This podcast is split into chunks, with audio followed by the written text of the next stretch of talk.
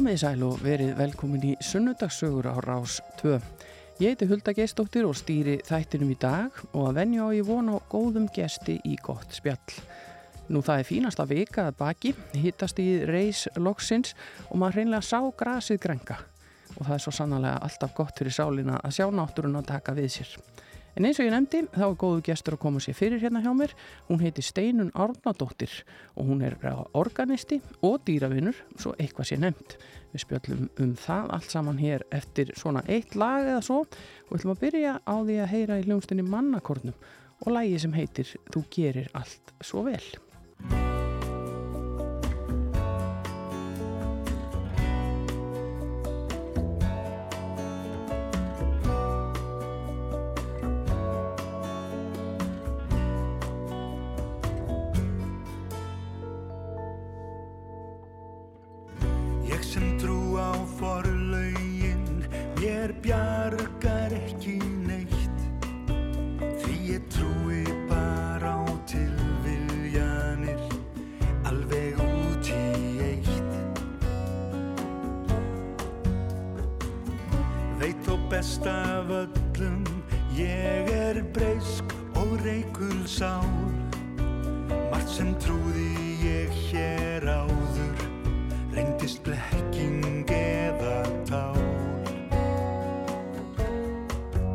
Þú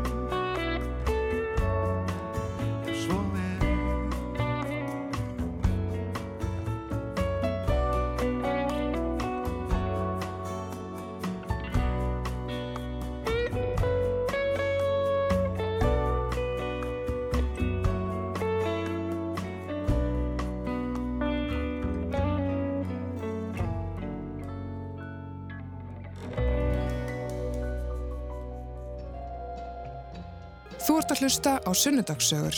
Alla sunnudaga kl. 12.40 á Rástvö. Já, alltaf gaman að hlusta á mannakorn. Þú gerir allt svo vel, heitir þetta lag, en uh, til mín er komin góður gestur. Uh, hún heitir Steinun Árnadóttir. Hún kemur til mín ofan úr Borganesi og hún hefur starfað sem organisti þar um uh, nokkurt skeið og já, kannski tekja einhverju nafniðina líka vegna þess að hún hefur barist ötulega fyrir bættri velferð dýra á svæðinu og ratað þó nokkuð í fjölmila í þeirri baráttu sinni. Við ætlum að ræða þetta og ímislegt fleira hér í sunnundagsögum.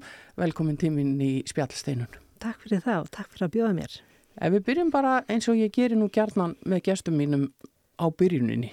Það er að segja hvar ólstu upp uh, og, og hvaðan kemur þú? Já, ég kemur borgarfyrði. Ég ólst upp á Sveitaheimili, brennistæri Flókadal heitir það og fór svo í metaskólan í Reykjavík, MR og endaði svo í tónlistaskólanum þar sem ég útskrifaði sem pjónakennari mm. og svo fór ég að vinna sem organisti og þá fullmentaði mig í organistafræðum og er sem sé kantor frá e, tónskóla þjóðkirkjunar heitir það. Já, ég, einmitt, ég leikur einmitt forvitna að vita þetta, ég var búin að vera veltaði fyrir mig, þar maður að, að læra sérstaklega að vera organisti eða á orgel? Það, það er sér nám. Það er sér nám, það er, það er náttúrulega margt sem kemur að uh, organista fræðum eins og það bara spila á orgeli sjálf, það er náttúrulega bætt við eins og ef maður spilar á píano þá bætist þessi pedal og svo náttúrulega bara er uh, mikil hafsjór af, af lögum og, og, og fróðleiki kringu það þannig að Já, það er betra að hafa aðeins, aðeins lært um það. Já, og þetta er sérstakur skóli sem já, nefnir. Já, tónskóli þjóðkirkjuna er alveg frábær skóli og hefur hérna, haldið utanum sönglíf og tónlistastarf bara í eh, kirkjum landsins. Já. Já, en þú elst upp í, í, í sveit. Hvernig kom þetta tónlistar áhuga, eða þetta tónlistarnám til? Var mikið tónlistarlífið eða tónlistar áhuga á þínu sveita heimili? Nei, það var ekki. Ég var eina, næstu, næstu því eina sýsti mín, lærði aðeins en ekki, ekki lengi en, en ég hérna baslaði áfram og við hérna misjafnar um tektir hjá bræðurum mínu sérstaklega þeir hérna það var sérstaklega áhagmál hjá þeim að, að láta blöðin fjúka hérna, nótna, nótnaborðinu og skella hurðinu þannig að ég næði ekki að halda læginu áfram. En varstu þá að læra á píjano? Það var að læra á píjano, já. Og, og hafður, sko hvernig voru aðstæðar á þessum tíma? Fóst í tónlistaskóla þá í Borganissi eða? Já, það verið alltaf hérna, haft þannig að Eh, sé, tónlist er kend í grunnskólunum þannig að tónlistakennarnir koma í grunnskóluna og það náttúrulega var til þess að ég gætt sótt þetta nám, annars mm. hef ég ekki getað það mm -hmm.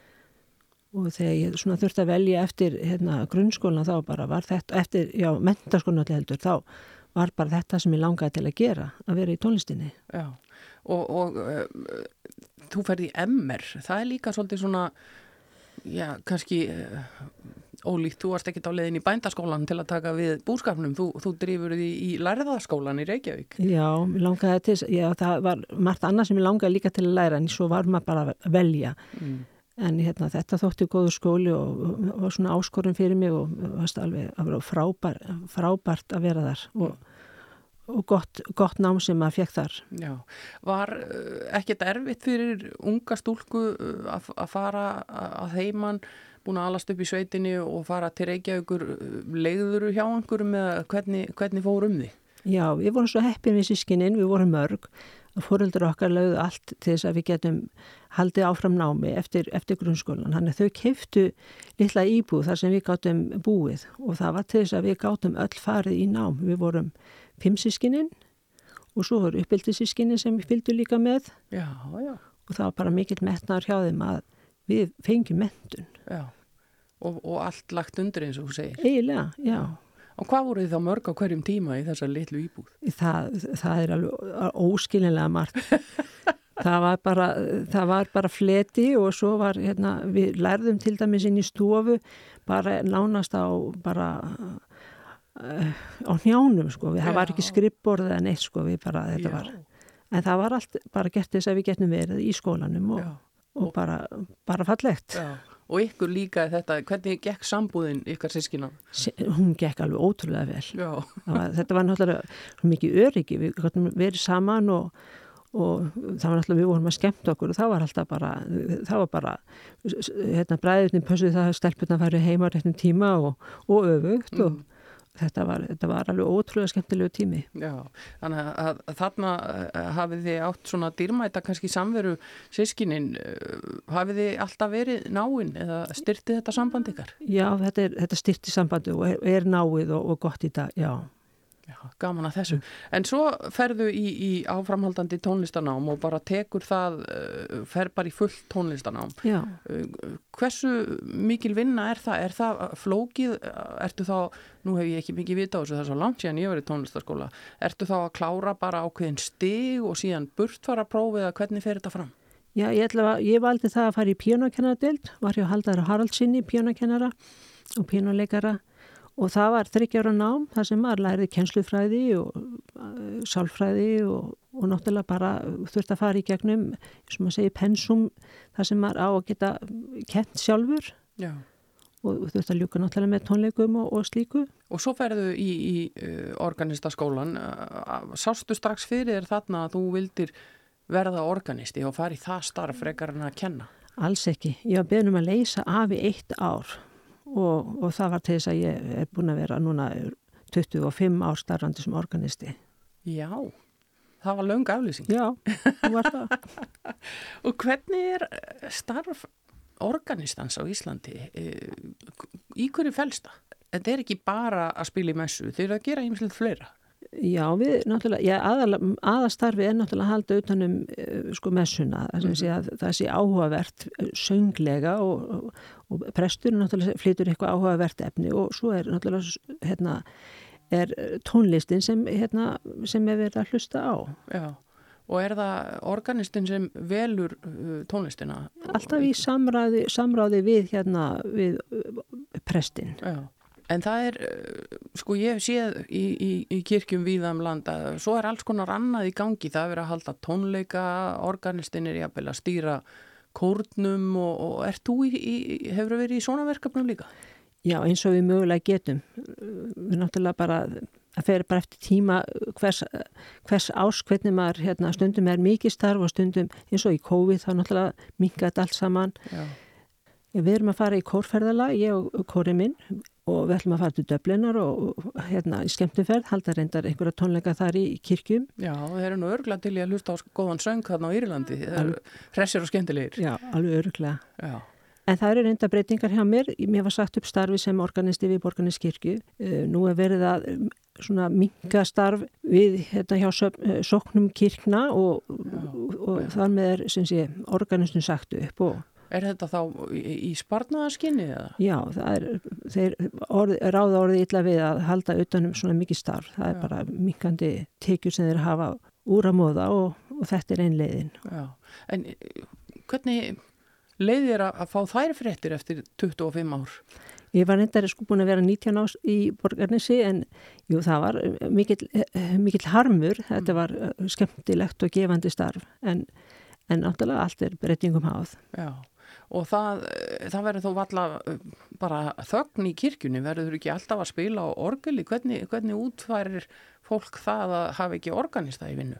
Já, þá breytar þannig verklagi þá sem sé taka verktaka inn í starfið og ég veit ekki alveg hvernig það verður útfært en vonandi verður það kirkjunni til góðs að einhverju leiti. Já, ertu svona, ertu kvíðin fyrir framtíðinni starfslega séð eða heldur að það verði úr einhverjum skemmtilegum tækifærum á móða? Öruglega, það verður eitthvað sem, sem skemmtilega sem, hérna, sem ég get tekið mér fremdur en ég vinn líka sem pjónakennari þannig að hérna, ég hef, hef örugt skjól. Já, hvernig er að vera uh, tónlistakennari? Ég var í tónlistaskóla þegar ég var uh, lítil, alveg fram, í, fram að framhaldsskóla aldrei og fannst það óbúslega skemmtilegt en, en uh, það hefur orðið mikil þróun í tónlistakenslu síðan þá og og uh, mikil ásokn í það er, er, uh, eru margi krakkar eða margt fólk að læra á hljóðfæri til dæmis í borganessi? Já, ég er reynda að kenna við tónlistaskólan á Akranessi já það er alltaf bygglisti í tónlistanám já. það er einhvern veginn, við náðum aldrei alveg að klára bygglistan já. En hvernig er, hvað er fólk að fá út úr þessu? Hvað, ef að þú sem talsmaður tónmentunar uh, ættir að auglýsa þetta að segja, hvað færðu út úr því að að leggja á þig að fara í tónlistanám? Já, tónlistin náttúrulega gleður svo mikið og bara eins og þú ert að kynna hérna lags til þess að gleðja og, og við hlustum á tónlist þegar hérna, okkur líður illa og þegar okkur líður vel og það, tónlistin er bara svo stór hluta á okkur lífið þannig að já, það, ég held að það sé bara hluta af því að við erum að læra tónlist já. við viljum taka þátt í því já. og eru allir nefnendur og nú er ég ekki að byggja um að segja neitt. Slæmt um neitt. En eru allir áhuga samur eða er þetta stundum erfitt? Þau æfa sér misöflega mikið. Það verður nú að viðkennast en þau eru alltaf dásamleg. Já, ertu með börn á, ýmsum aldri? Já, alveg frá bara þau, við byrjum að kenna í þriðabekk og elstinn er mætti minni, sjötug Hana, dásamleg dásamlegur nefandi. Já, þannig að þetta er, þetta er mjög fjölbreytt og, og, og allskynns fólk. Og hvað Hvað finnst fólki uh, gaman að læra? Er, þið, svona, er þetta mjög innrammað? Er þetta skallar og æfingar og klassísk verk eða er orðin meiri frjálsleiki í, í tónlistarnám í dag? Jú, jú, það er komið frjálsleiki. En við náttúrulega notum grunninn, við þurfum að læra skala, við þurfum að læra tónstígana og annað til þess að halda utanum. Þetta er bara eins og í, í starfræðinu, þú þarf að kunna margvannum töfluna til þess að geta farið að rekna. Já. Þannig að þegar við viljum fá hérna, uppskrifu poplug til þess að spreita okkur á þá þurfum við að vera búin að æfa skalana. Já, það er ekki, ekki, ekki verið að hafa það með. Nákvæmlega. En uh, annað uh, sem við ætlum svona svolítið að, að tala um í þessu spjallokkar hérna, Steinun Átnandóttir uh, er dýravelferð og, og barátta þín í, í, á þeim vettvangi. Ég held að mér sé alveg á þetta kallaði dýravinn. Já, ég held ég bara að sé fann að tilla með dýravinn. Já. Hefur alltaf, alltaf haft mikið áhuga á dýrum og, og, og svona bara, hefur átt dýr já, alla tíð? Já, ég hef alltaf átt dýr. Hunda og ketti og hesta og já, það hefur alltaf verið og náttúrulega ólst uppi í búskap þannig að tók þátt í hérna mjöldum og allir í sambandi við fjár, fjárbúskap, þannig ég þekki þetta ansi vel. Já, og hvernig var það á þínu æsku heimili Um, aðstæður auðvitað fyrir, fyrir uh, löngu síðan uh, kannski aðrar en núna þegar kemur að bara já, húsum og tækjum og tólum og svo leiðis en, en hver var svona línan sem var lögð heimi á þér? Uh, e, mín tilfinning er að bændur vilji fara vel með dýrin sín. Sannarlega, það er það er alveg öruðt mál. Flest allir reyna það. Og það er, það er mín reynsla. Þannig að þá verður maður svo hissa og maður verður líka reyðu þegar maður sér að það er það eru einstaklega sem gera það ekki mm. og það ánáttalega vera frávik en það er náttúrulega bara eins og öðru þetta, þetta, er, þetta er bara hluta af lífinu það eru einstaklingar sem eru ekki góðir hvorki við menn nýja dýr við veitum af alls konar hörmungum í sambandi við misnótkun barna og, og þetta er bara líka misnótkun á dýrum ja. þetta er bara hluta af okkar því miður lífi ja. En er þetta algengara en við höldum? Ég veit ekki hvort þetta sé algengar en við höldum en allavega þetta er falir og, og, og ég hugsa að það sé auðveldar að fela þetta en til dæmis um, hérna misnótkun á börnum. Því að þau náttúrulega koma oft upp um það svona sjálf hvernig þeim líður annað. Mm. en dýrin þau hafa enga málsvara þau eru bara, þau eru bara dýr get ekki talað eins og niður Við ætlum að, að, að taka okkur smá pásu, fá okkur vassopa og heyra í uh, hljómsveitinni Wings hérna næst og uh, þar er það auðvitað Paul McCartney sem leiðir sveitina. Þú ætlum að heyra lag sem heitir Læra minn.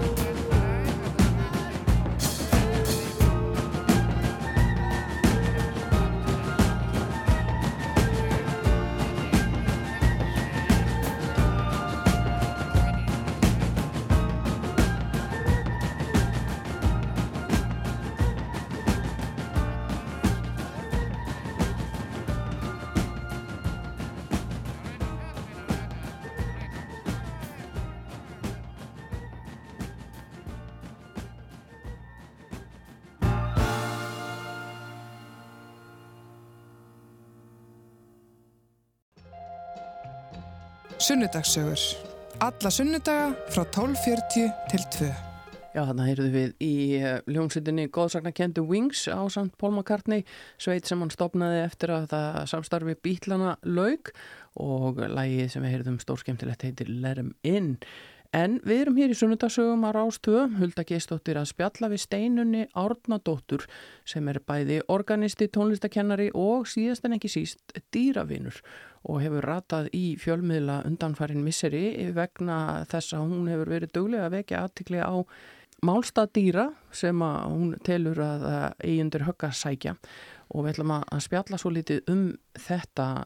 Steinun hefur alltaf verið svona, já hvað getur við sagt á vaktinni, hefur verið vakandi fyrir velferð dýra í, í þínu nærumkörfi? Já, kannski hefur verið það ans ég hafi vita af því en allavega voru svona svo stóra erfið tilfelli sem byrtust mér fyrir árið síðan þegar ég var vittnað hérna, mjög mikilli eh, já hvað maður að kalla það þetta var náttúrulega bara, ég horfið á skeppni sem voru bara hreinlega að deyja þarna í, í gerðum í kringum mig þar sem ég var með sjálf með hesta. Mm. og þetta voru hesta sem voru búin að vera inni heilt ár. Ótt að vera komin út á græn grös og, fara hérna að lifa lífinu svona í náttúrinu en, en þeim, var, þeim voru bara falin í, í hérna, húsum, allt á mörgum margir í stíu og þetta var, voru bara skjálfilega aðstæður. Já, en kannski svona til að útskýra fyrir þeim hlustendu sem ekki eru hestafólk að vanalega eru reyðhestar uh, þeim er leift að fara í frí og út í haga eins og nefnir uh, hluta úr árið. Jú, í flestum tilfengum er verið að hérna, láta hross vera úti. Það er náttúrulega þeirra, þeirra heimkin er að vera úti og, og sérstaklega ungvið til dæmis. Þau þurfa reyfingu og, og náttúruna og, og grasi til þess að bara til þess að halda heilsu. En þegar, þegar þau, það er ekki gert og þau lóku inn í myrkri og við hérna, slæmar aðstæður lítið og lélegt fóður þá náttúrulega bara deyja þau, þau bara hreinlega hórast upp og vestlast upp og, og deyja. Já, þetta mál sem þú vísar til, þetta var auðvitað fjallað um uh, það í fjölmjölum heilmikið en, en þarna uh, þú verður vitni að þessu sem að þú metur að sé ekki í lagi bara inn í miðju hestusakverfi þar sem að, fjöldi fólks gengur um alla daga. Já, var, þetta var, við vorum fann að tala um þetta náttúrulega, þarna fólki sem var á staðnum og og við vorum búin að tilkynna þetta en það var ekki hlusta á það og, og alveg sama hvað var, hvað var reynd að tala um, um fyrir þessu. Ég hrýndi til og með á lauruglun og baði um að, að þarna veru hérna, bröðist við því það var skefnu sem ég fannst bara að vera að deyja og svo voru, var vinkonum mín sem kom hérna og hún hrýndi líka laurugluna og það var ekkert, ekkert bröðist við. Það var ekki fyrir en ég opnaði hérna, á Facebook mynd af lillu trippi sem var grindhórað sent að sumri búin að vera lokað inn í langa tíma og það var, það var bara, bara beinagrind. Já, og þú fjast gríðali viðbröð eftir þessa myndbyrtingu? Já, það var einhvern veginn, eins og maður segi, bara varð allt vittlust. Fólk var mjög reitt yfir þessu. En ekki brást, sko, eftirlitskerfið eða maturastofnum við því, það var bara áframleift að, að þetta væri í svona í gangi og og endan með voru reynda þessi rossfjarlæð úr hesthúsunum því að eigendur hesthús Anna vildu ekki hafa, hafa þessa skeppnu lengur, þau vissu ekki að þetta væri svona alvarlegt. Þannig að þau fóru út á tún hjá, uh, hérna í nágrenninu hjá, hérna, og það var með eins og í óleifi eiganda hérna, landsins. En Hvernig er það hægt? Já, hann bara vorkendi og hann sá að þessar skeppnur þurfti á því að halda að vera að fá, fá frelsi og hann, hann lefði það Já. á þess að væri leifi. Já. En, en þessu máli, því var ekki lokið þarna, hver urðu örlug þessara rosa þarna úr hestusinu? Já, það var svo sent um hausti, þá var þessu smalað aftur, þá voru orðun, hérna, ber, þá var náttúrulega verið eitthvað, eitthvað ruggli í kerfinu hjá þessum vesalingum, þau voru hann ber og gátt ekki staða sér veður. Já, þannig að þau voru búin að fella feldinn og, og, og að því að fóðrunin eða vanfóðrunin hafi haft áhrif á bara þeirra líkamstarfsemi. Akkurat og ennþá hóruð og var, þessu var allir smala í hestús hverfið aftur af halvu matalastofnunar og einhverjir aðeins sem kom að því og þar voru 11 hrósum slátrað og svo voru hérna öðrum hestum skilað í viðkvæmi ástandi eins og sagt var og, og eigendunum máttu bara áfram vera með þessa hesta á þess að nokkuð verið aðgert. Og hvernig er staðan í dag? Já, þetta sessir vissalingar eru lokaði núna inn í hérna, hösturskverju hérna í bænum og, og það er fólk sem fylgis með en það er ekki gott ástand. Nei. En það er búin að vera að koma upp mörg mál einhvern veginn finnst manni er varða dýravelferð, ekki bara þau sem þú hefur bent á heldur víðar um land og einhvern veginn virðist úræðaleysið algjört. Er þetta snýstut um einhverja reglugerðir og lög eða það er svo erfitt einhvern veginn að trúa því að fólk sé ekki að vinna vinnuna sína sem á að fylgjast með þessu eða gera eitthvað í þessu. Hver er flöskuhálsin í þessum málum eða er matið kannski bara ekki það sama, eru það sem þér finnst ekki í lægi, finnst kannski einhverju kerfi í lægi. Hvernig virkar þetta? Já, það er stort að spurt. Já, allavega finnst manni það vera aðtöðavert þegar fjöldi fólks er hérna, sammála því að að skeppnu séu ekki í góð ástandi og það þurfa að bregðast við. Að það sé ekki gert. Við höfum lögum velferð dýra og, og, og það er alveg skýrt að, að það er að fylgja þeim. En, en svo er verið að nota alls konar eh, afsaganir eins og að fólk hafi andmalarétt og, og það verið að beita einhverjum lögvalsektum og ég veit ekki hvað, er, hvað þetta er kallað. En alltaf fá hérna, eigendur þessara vissalinga að halda þeim áfram að eiga þá og Já, það eru vantarlega einhvers, einhvers konar stjórnsýslu lög eða stjórnsýsla í kringum þetta sem að eins og nefnir andmælarétt og annað þess að þar fær fólk kannski hugsalega tíma til að bæta úr. Uh, er það ekki eðlilegt að gefa fólki tækifæri til að laga hlutina ef þeir eru ekki lagi? Jú, það ætti einmitt að vera það og, og, og, og það er bara gott betur. Það er, það er ekki, sko, þegar hlutin eru ekki lagfærðir og þá ætti náttúrulega næsta stig að koma en það virðist ekki vera það er einhvern veginn eh, það fer ekki lengra, eh, það stoppar þar eða? Já. Já. En er þá réttur uh, bara eiganda dýrana svona mikill? Já, það verðist vera. Já. en þú hefur uh, haldið áfram að fylgjast með og, og svona já, vakti þetta tildekna mál upp aukin áhugaðin á þessu ertu, ertu farin að leita upp í svona staði eða uh, ertu í, ertu í krossferð? Nei, ég er ekki krossferð en, en það er náttúrulega mál sem hafa verið til dæmis í minni sveit sem hafa verið árum saman mikið vandamál. Ég hef verið að reyna að vekja máls á því því það er virðist vera algjört, algjört úrræðaleysi hvað það snertir og svo náttúrulega því að ég gerði svona nafnmitt ofnbært í þessu þá hefur verið leita til mín með mál og við fór til dæmis á vestfyrði núna í síðustu í síðustu viku og, og kíkti þar aðstæður. Mm. Það, var, það voru margir aðalega sem báðum um að líta á þetta mm.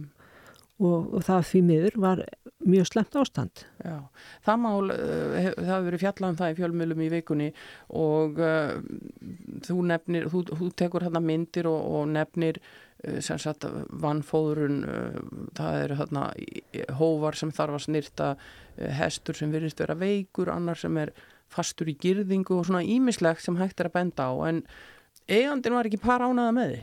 Nei, hann var ekki ánaða með mig. Hann vildi allavega, hann baði lögurglunum að fjarlæga mig að þessum stað. Þannig að hérna, ég gæti ekki fyllt þessu alveg eftir en sem betur fyrir var nú búið að losa hann að hest og girðingunni áður en hérna, ég fór. Já. En já, þessar aðstæði voru skjálfilegar. Það var allavega mjög sásöka fullt að horfa á hennan hest sem gæti allavega gengið og og þetta átt að vera besti vinnur þessa, þessa eiganda, ég veit ekki hvernig þetta er að útskýra það. Mm. En það eru kannski alls konar tilfinningar hérna bakvið eh, ég held að það geti verið erfitt fyrir manna hvaðja gamla hestin sinn, jafnvel þó hans í orðin eitthvað liðlugur eh, þetta, eh, en það er alltaf ákvörðun þeirra sem eiga dýrin að hvenar er komin tímin til að hvaðja eða? Já, það er, það er náttúrulega, minna, við, maður hefur alveg séð það að hérna, hesta getur orðið gamlir og, og svona orðin lélegir en þarna var náttúrulega sínilega bara, hann var svo hóraður þessi, þessi, þetta grei og, og hann gæti ekki gengi af því að það hefur ekki verið hugsað um að hýrða hóana í fleiri, fleiri mánuði þannig að þetta var, þetta var bara vanhýrða. Já, en þegar þú sko hvernig líður þér þegar þú ert að finna eitthvað svona og sjá eitthvað svona og þú er búin að fara þennan ring einu sinni eða tvísár og þér finnst ferlið ekki fungera nú vel og, og einhvern veginn uh, dýrin ekki eiga nú sterkan málsvara hvernig líður þér þegar þú kemur síðan að einhverju sem að þér finnst alls ekki lagi? Það er bara alltaf erfitt það er alltaf erfitt að horfa, horfast í augu við þessu skefnur sem eru maður sér að er farið illa með það er alltaf erfitt Já. En sko, þú fengið mikla kvartningu, ég hef séð það bara eins og samfélagsmiðlum að það er margir að hvetja þetta í dáða uh, með þetta eftirlititt og fylgja þessum málum eftir og margir sem eru þér sammála og þú, þú talar um að hafa fengið fjölmargar ábendingar að því að þú svona hefur svolítið stíið fram og undirnafni og, og barist fyrir þessum málum. Er ekkit erfitt að setja sjálfmanns í svona í skotlínuna getur við sagt, ég meina að þú fengið mikla kvartningu eins og ég nefndi en þú hefur vantalega líka fengið eitthvað, eitthvað, eitthvað neikvæð skot á þig. Jú, náttúrulega eðlilega, fólk er ekki alltaf sátt við þessar, hérna, þessar aðtöðasendi mínar að þetta sé ekki lægi, náttúrulega fólk reynir að verja sig og það er óskup eðlilegt en maður var í, ég var í voðalega þakklátt að það sko færa að breytast að, að við varum saman í því að hjálpa hvert öðru mm. að ef einhvað er að þá, bara, þá reynum við að laga það í staðan fyrir að fara að berjast að móti því. Við viljum bara hafa hlutin í lagi við viljum að skeppnum líðu vel og það væri dásamit ef, ef þetta færa að vinna saman þetta kerfi sem sé óopnbólir eftirlitsmenn og svo eftirlits fólkið, matvælastofnun og búfor eftirlit. Já, að þannig að það þegar að ábendingar koma að þá taki við eitthvað svona ferli sem að er þá, þú myndir vilja sjá það að vera bæði hraðvirkara og einhvern veginn uh, klára þetta betur eða svona hvað myndur þú vilja sjá gerast? Já, bara að það veri hraðara unnið og bara að meiri festu og, og það veri unnið sama, það er ekki gert dag. Nei bara þessi skipti sem ég hef tilkynnt að það, ég hef ekki eins og fengið svör, ég fyrsta skipti svar núna fyrir stöttu, það sem fórstöru matvælastofnunar sagði mér að það væri farið í þetta, þetta mál. Þetta væri, það væri farið í það að festu. En hérna, og ég vona að það verði rétt. Já, en þú hefur fengið uh, á þig Já, ég las í, í, í einhverjum miðlunum núna bara í vikunni uh, þar sem að þú varst að gaggrína um, einhvert mál þarna í, í, í næru umkörunni eins og nefndir aðan og, og þar er rætt við einn ábúenda sem segir að, að þér komið þetta bara ekkit við og þú sést bara með þetta heilan og þú er bara vera á klepp, hvað segir við svona? Já, það, það, það er nú bara stundum bara er ekki orð svara verð ég er bara svaraði þannig ég, ég, sko, ég sé þessi orð en þau fara ekkert inn til mín sko. þetta, þetta er bara vandamál einstakling sem segir það Já. En er þetta einhvern tíman hrætt, hefur einhvern tíman komið upp uh, svo staða að þér hafi verið hótað eða, eða þess áttar? Já, mér hefur margsinnis verið hótað en ég, nei, því miður þá bara finn ég ekki fyrir hæslu, ég finn bara fyrir einbetnum vilja að bæta þessa hluti Já En hefur, eins og nú segir að þú hafi talað við uh, og, og fengið þær upplýsingar frá MAST að það verði farið í þessi mála festu. Skinnjar það að þessi barátt að þín eða vitundarvakning getur við kannski kallaða sé að skilja einhverjum árangri? Ég er ekki að finna fyrir því að svo stöttu en ég vona hvert mála það er svona að fara, fólk fara að hugsa svo um að það er kannski rétt að fara að vinna með fólki í staðan fyrir að vinna móti, því sem vilja hafa hlutin í lagi. Nei, ég er ekki alveg að sjá að þetta hafi skipt neinu máli. Mm. En þú talaður um að, að, að uh, sko, þér finnist þetta ekki virka. Uh, það er auðvitað sérstatt og, og, og erfitt fyrir mann einhvern veginn að átta sig á því eða trúa því að, að fólk sem vinnur við þessa hluti vilji ekki hafa þetta í lagi eða hafi ekki hag skefnana að leiðaljósi. Heldur þetta að sé meira einhvers konar, já, framkvæmdalegs eðlis heldur en, en tilfinningalegs eðlis. Það sem ég á við er það að það sé ferlið komið í veg fyrir það að teki sér á málunum frekar en að, að það fólk sem er að fylgjast með þessu vilji ekki sjár skefnunum líða betur. Já, því miður verðum við bara að segja það. Í þessum tilvíku sem við, hef, við höfum, já, ég hef verið að skoða, þá hefur verið marg látið vita, sem sé ég þetta, þessa hérna, eftirlitskátt hjá matalastofnun og svo þegar verið er að spyrjast fyrir um þetta þá einhvern veginn er það alltaf vari já það, það er, hérna, er búið að láta vita en hérna, það þarf að, nú, nú held ég þessi nýtt hjá það þarf að sapna svo og svo mörgum gögnum til þess að sé hægt að fara í verki í staðan fyrir um leið og eitthvað er augljóslega að það sé farið og aðstæðu skoðar mm. þannig að þetta, þetta dregst úr hófi fram og mér finnst þeir bara það bara verið varið frekar heldur en það sé, sé skoðað endur bæta þessar, þessar, þetta eftirlit. Já, en það geta verið alls konar flóknar aðstæður að baki uh, vanrækslu á dýrum eða í, í búfjárhaldi við höfum séð nefnt í, í umfjöllun já, veikindi, bara vanhæfni vegna aldus eða, eða eitthvað slikt til þess að sinna þessu er sko er þetta bara gangi það að taka skeppnur af fólki sem að kannski á bara bátt og, og þykir vænt um dýri sín en, en hefur ekki tökka á sinnaðum, væri hægt að fara einhverja leið og bara hreinlega aðstóða fólk í því eða er þetta einhvern veginn klift og skórið í dag? Já, það, það eru allavega margir hluti sem kom upp í sambandi við þetta, þetta, þessa, þetta eftirlit. Við þekkjum nú hérna dæmið á Suðurlandi þar sem var hérna, fullanur kona sem, sem vektist og skeppnundar hérna voru bara teknar og drefnar.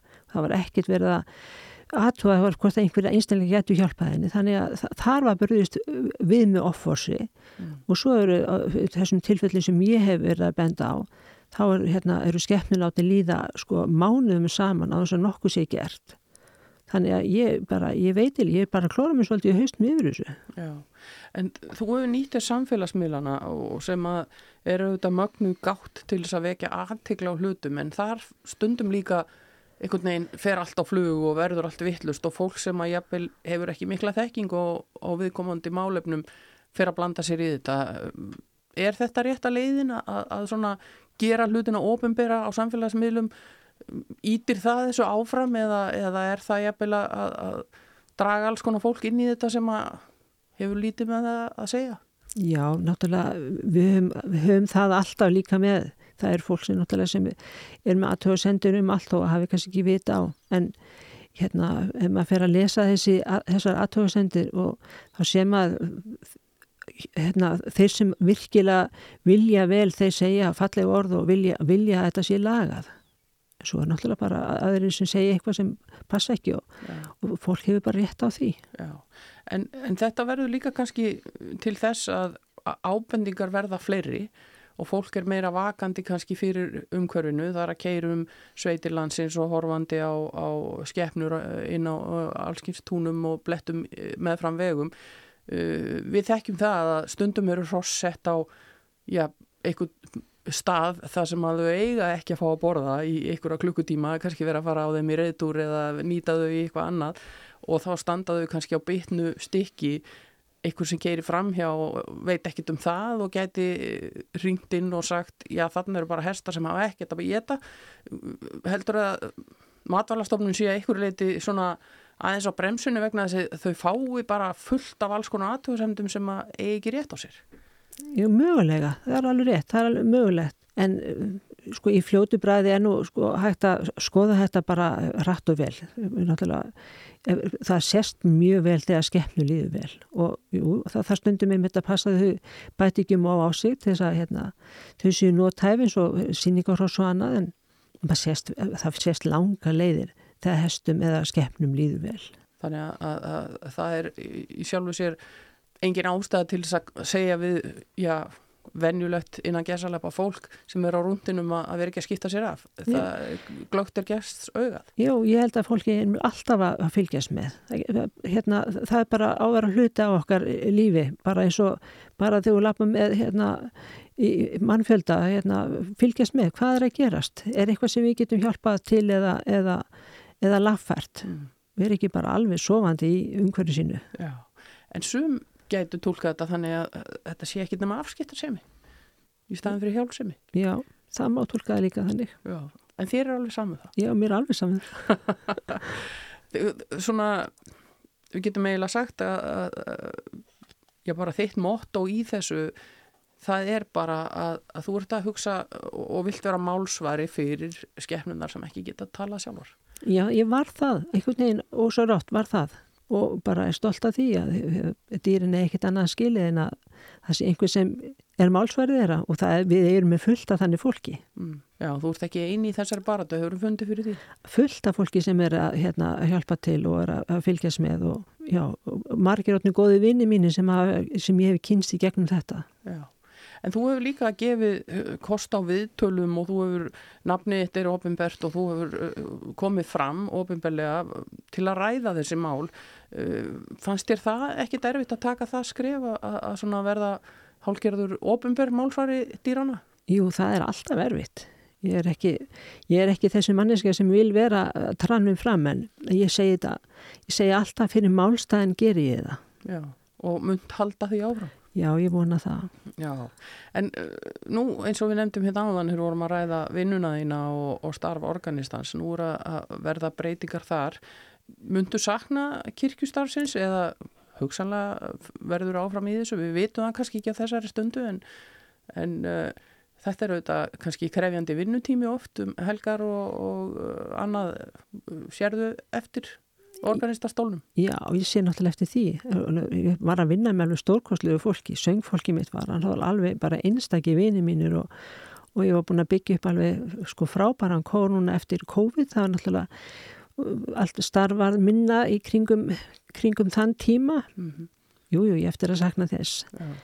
En ég saði líka, hérna, nú hef ég meiri tímat fyrir áhámáli og þetta er náttúrulega hluta af mínu áhámáli að vera með skeppnum og og fylgjast með. Já, og þú átt, þú átt hesta og áttu fleiri dýr? Já, bara hesti þetta er nýbúin að missa hérna köttin minn, ég átti alveg indislega kött og hérna ætla, ætla aðeins að býða með að fá mér önnur hústýr. Já, en hestamöskan mikið áhuga mál. Já. Og heldur áfram að, að sinna því. Eru mörg mál í, já svona, í vinslu núna, getur við sagt sem svo að þú hefur bent á nokkra hluti sem að kannski ekki er búið að ljúka afgröðslu á að við getum orðað þannig er, er margt sem þú ert að horfa eftir? Nei, kannski ekki margt en það, það, það kemur alltaf eitt nýtt þegar annað einhverju líkur og núna bara í, í þessar umfjöldum minni um þess, þessa, þessa hérna, skeppnur á vestfjörnum þá er búið að vera að senda mér skilabóð og ég beðin um að, að hérna, aðstofa með annað mál þar og, og hérna, ég er að skoða það. Já.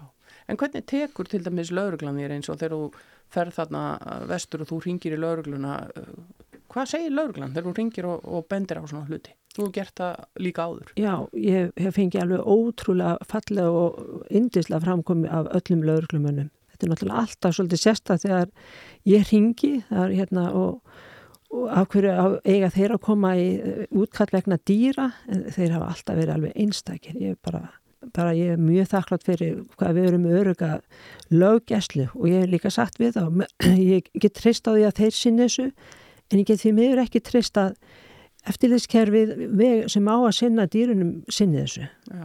Ekki treyst lögreglunni. En hefur lauruglan eitthvað svona, eitthvað innlegg í þetta? Skiptir máli uh, að hún komi að málum eða skila þeir til dæmis eitthvað í skýslu áfram inn í eftirlitskerfið eða hafa þeir eitthvað vikt í svona málum? Já, ég til dæmis ég fóð til lauruglu, hérna, lauruglunar eftir þessa hérna, fermina á vestfyrði og bara hérna, sendi inn skýslu um þetta þannig að hérna, og þeir um, tóku hana niður og, og, ég fann alveg að þeim var alls ekki sama og þeir sáu myndirna sem ég var að sína það var þeim alls ekki sama og þetta var unni rætt og vel. Já.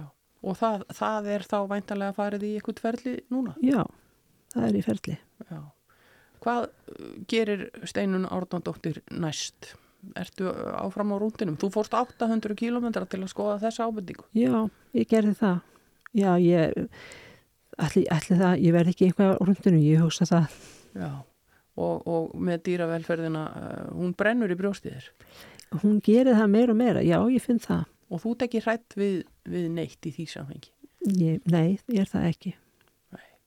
En hvað með uh, framtíðina? Uh, ætlaru að, að vera þarna, uh, gefa þessu meiri tíma og, og fyrstir þú bara ekki að komast í vinnu við þetta? Ég veit ekki. já, það er að, það, maður veit ekki hvað, hérna, hvað maður endar sín spór með það. Það Nei. verður bara að koma í ljós. Já. En hvaðan kemur þessi eldmóður og, og svona, já við getum alveg kallað þetta baráttu þreg, eins og segir, þú óttast ekki neitt og þú heldur ótröðu áfram. Hvaðan færðu þennan kraft?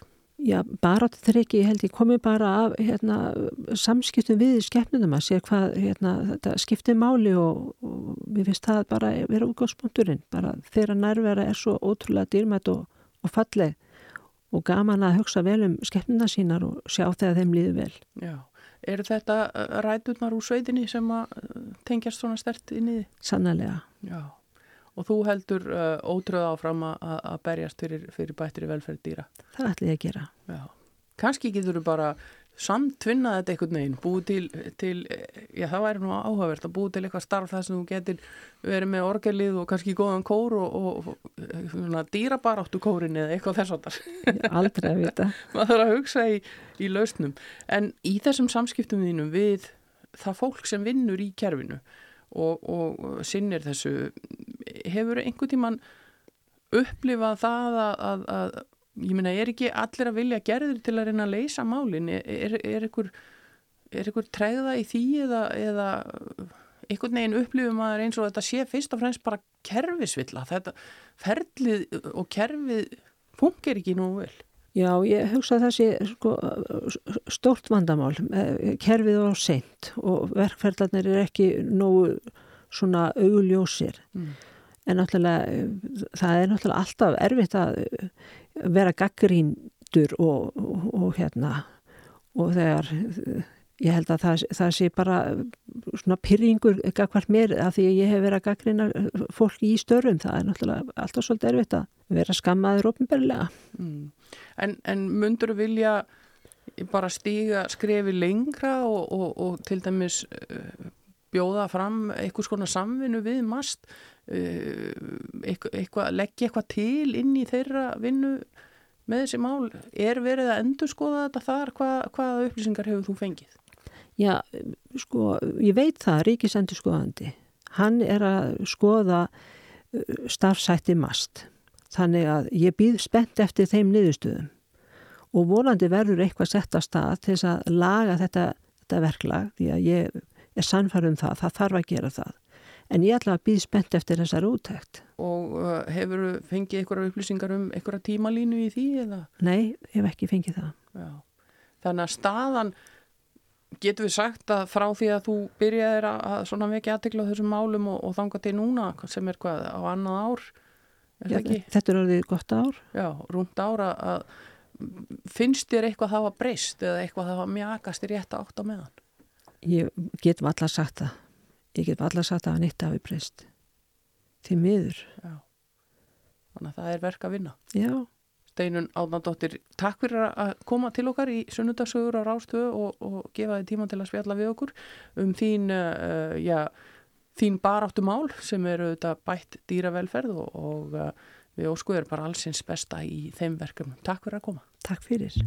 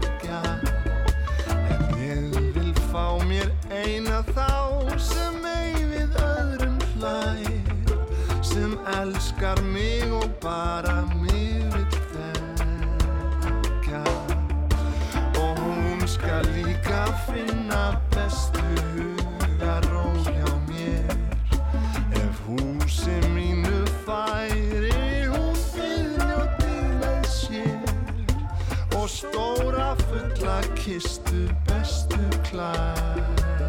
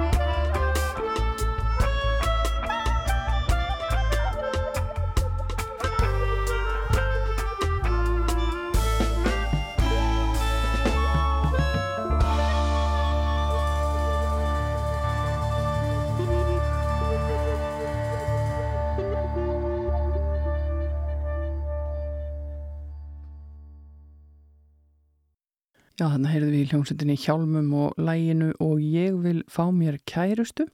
Ég held reyndar að þetta sé sænst uh, lag að uppruna, ég er nú ekki alveg með þetta á hreinu en mér rámar í, í það að ég séð það eitthvað starf. Allavega skemmtilegt lag og eitt af svona þeim fyrstu sem að vöktu aðtikli á Hjálmum á sínum tíma. En þið hafi verið að hlusta hér á sunnundagssögur, allt frá hádegis fréttum, vorum hér að hann að spjalla saman við Steinun Árnadóttir, organisti og dýravinur, já, miklu leiti um hennar uh, mikla starf eða þrótlösa starfi að fylgjast með velferð dýra í sínu nærumkörfi og hún segist hverki hægt á þeim vettfangi. Kerfið virki einfallega ekki og það þurfum að breyta og bæta. En ég heiti Hulda Gestóttir og ætla að fara að kveði ykkur hérðan úr uh, stúdíónu á Rás 2. Það er uh, Rúna Róbert sem tekur við með sunnudagsþáttinn sinn hér að uh, næstu fréttum loknum og hann er nú vanur að hafa góða stemmingu hjá okkur á Rásinni og sunnudöfum missið ekki af því. Og Rokklandi svo auðvitað setjumpartin í dag og Óli Palli alltaf með eitthvað forvöldnilegt í farteskinu. En við endum þetta á ljúfum tónum frá David Bowie heitnum. Þetta er lag sem að fleiri hafa flutt en hans útgáfa einstaklega falleg og vel hefnuð. Lagið heitir Wild is the Wind og það verður að loka tónanir hjá mér í dag. Takk fyrir að lusta, njóti dagsins og hafið það sem allra best.